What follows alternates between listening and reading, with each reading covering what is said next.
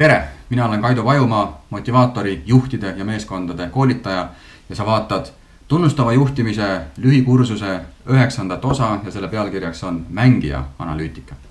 eelmises osas me rääkisime meeskonna analüütikast, kus oli idee siis selles, et äh, saada meeskonnaga kokku ja alustada seda protsessi, et aru saada üheskoos, mis on meil meeskonnas hästi ja mis ei ole nii hästi. et seeläbi hakata siis ühiselt kujundama sellist sisekultuuri. täna me räägime sellest või nendest inimestest, kellest see meeskond koosneb. ehk siis, kui see esimene praktiline harjutus, sisekultuuri koosolek, käsitleb teid kui kollektiivi või teid kui meeskonna, selline grupi tasandil, siis samasugune mängija analüütika või analüütiline lähenemine võiks olla ka individuaalsel tasandil ehk siis visuaalselt väljendatuna ma olen siin kogu selle kursuse vältel kasutanud seda joonist, kui sina oled juhina siin siin on teil ühine eesmärk, kuhu teil on vaja meeskonnana jõuda. siis eelmine harjutus oli selle ümber, kuidasmoodi teil meeskonnana läheb. mis on need plussid, mis on need miinused, mis muudavad teid meeskonnana tugevamaks, mis muudavad teid meeskonnana nõrgemaks.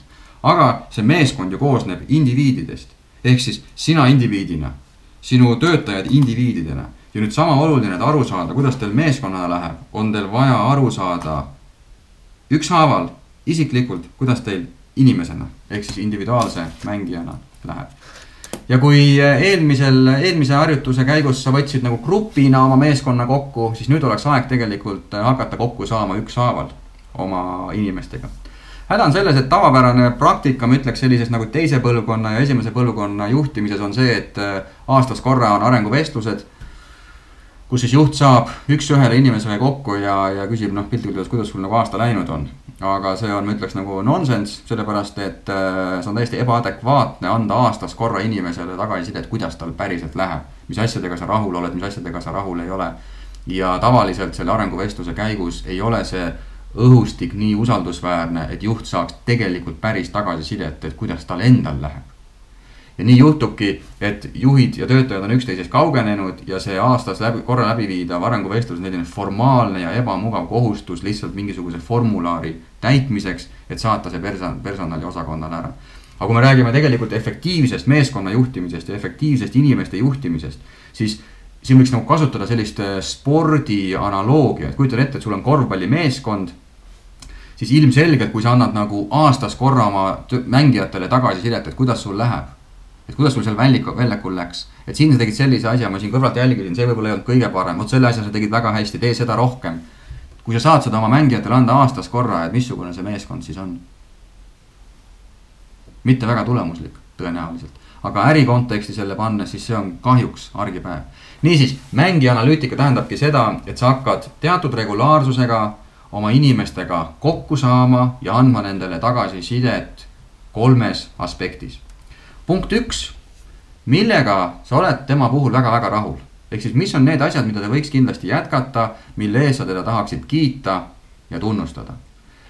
kui sa mõtled mõne oma töötaja peale, ma arvan, et sul ei ole vaja nagu väga-väga pikalt analüüsida, et milles ta hea on. mis üldse aega võtab, on see, et sa pole võib-olla varem mõelnud lihtsalt niipidi, aga kui sa võtad a la, ma ei tea, Anu ja mõtled Anu peale, et mis on tegelikult Anus nagu positiivset. Kui sa lased nagu oma mõtte vabaks, mis, milles, milles on see inimene nagu hea äkki ta on sõbralik, äkki ta on kiire, äkki ta on nutikas. äkki ta ütleb alati oma arvamuse välja. äkki ta julgeb äh, aus olla oma mingite asjade suhtes näiteks, et teised hoiavad tagasi, aga tema ütleb nagu ausalt. äkki ta on klientidega suheldes kuidagi teistsugune, mida iganes, aga usutavasti temas midagi head on. see ei pruugi olla mingi erakordne saavutus, aga midagi head. ja vot see on see, mida sa peaksid Anule ütlema, et, et see mulle väga-väga meeldib ja kindlasti jätka seda. siis teine on see et mida ta võiks äh, alustada, mida ta võiks rohkem teha. näiteks sa näed, et teised inimesed mingis kliendi situatsioonis teevad neid asju, aga Anu ei tee. ja sa ütled talle seda, et kuule, et näed, et kui sa selliseid asju rohkem teeksid, siis sellel oleks selline positiivne mõju. ehk siis julgustada teda proovima mingisuguseid uusi praktikaid. või näiteks, kui sa ise olid kunagi tema ametikohal, tegid sama tööd ja siis sa tegid mingeid asju, mis väga hästi töötasid, mis näitasid väga head tulemust, aga näiteks Anu ei tee seda, siis sa soovitad talle et kuule, proovi neid asju teha, et need töötavad, innusta teda. ja kolmas on siis äh, lõpeta. ehk siis on mingid asjad, mille puhul sa tead, et need on Anule omased, aga need ei ole kasulikud eriti. Need ei ole kasulikud meeskonnale, siis võib-olla ta ütleb sageli jällegi liiga otsekoheselt ja liiga teravalt neid asju. Äkki ta sageli ütleb asju sellisel viisil, mis kõiki teisi nagu vakatama paneb. äkki mõnikord niimoodi, et kui Anu teeb suu lahti, siis keegi teine enam ei taha rääkida, sellepärast et ta ei anna enam järgi, ta ei anna oma seisukohtadele järgi. või äkki ta istub, ma ei tea, töö ajal liiga palju Facebookis või mida iganes sa oled tähele pannud juhina, et ta teeb, milles suhtes sa tunned, et ta võiks seda vähem teha. ja vot need kolm asja, jätkata, alustada, lõpetada Need võiksid sul olla kogu aeg juhina radaril, kõikide oma töötajate suhtes. Aga nii palju, kui mina nagu juhtidega kokku puutun, siis paljud juhid ei oska isegi kokku lugeda, palju tal täpselt inimesi on. veel vähem oskavad nad öelda, milles keegi hea on. sest nad ei ole selle peale mõelnud, nad eeldavad, okei okay,, sul on ametijuhend käes, tööta oma ametijuhendi järgi ja aastas korra on siis arenguvestlus ja vaatame, kuidas sul läinud on. kas see on piisav? tegelikult äh, ei ole.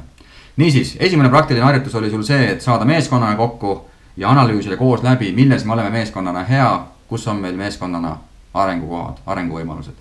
teine praktiline harjutus on see, analüüsida kõik oma niinimetatud mängijad läbi, kõik oma töötajad läbi eelnevalt ja siis saada nendega kokku ja rääkida sellest, milles on nemad head ja milles on nende arengukohad.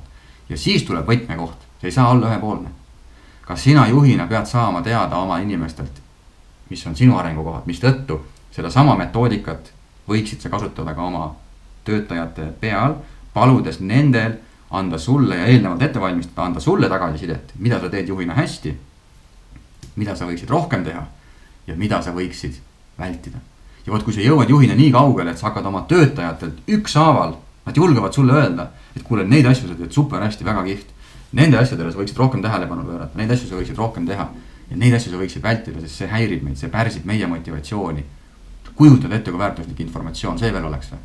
missuguseks muutub teie meeskonna dünaamika, teie läbisaamine, kui palju infot sul tuleb selleks, et olla rohkem töötajate keskne, et olla rohkem nendega samas paadis ja kui nad näevad, et sa oled nendega päris samas paadis, kui palju nemad oleks valmis sulle tõenäoliselt vastu andma. ja see on see, mille kaudu sa inimesi päriselt motiveerima hakkad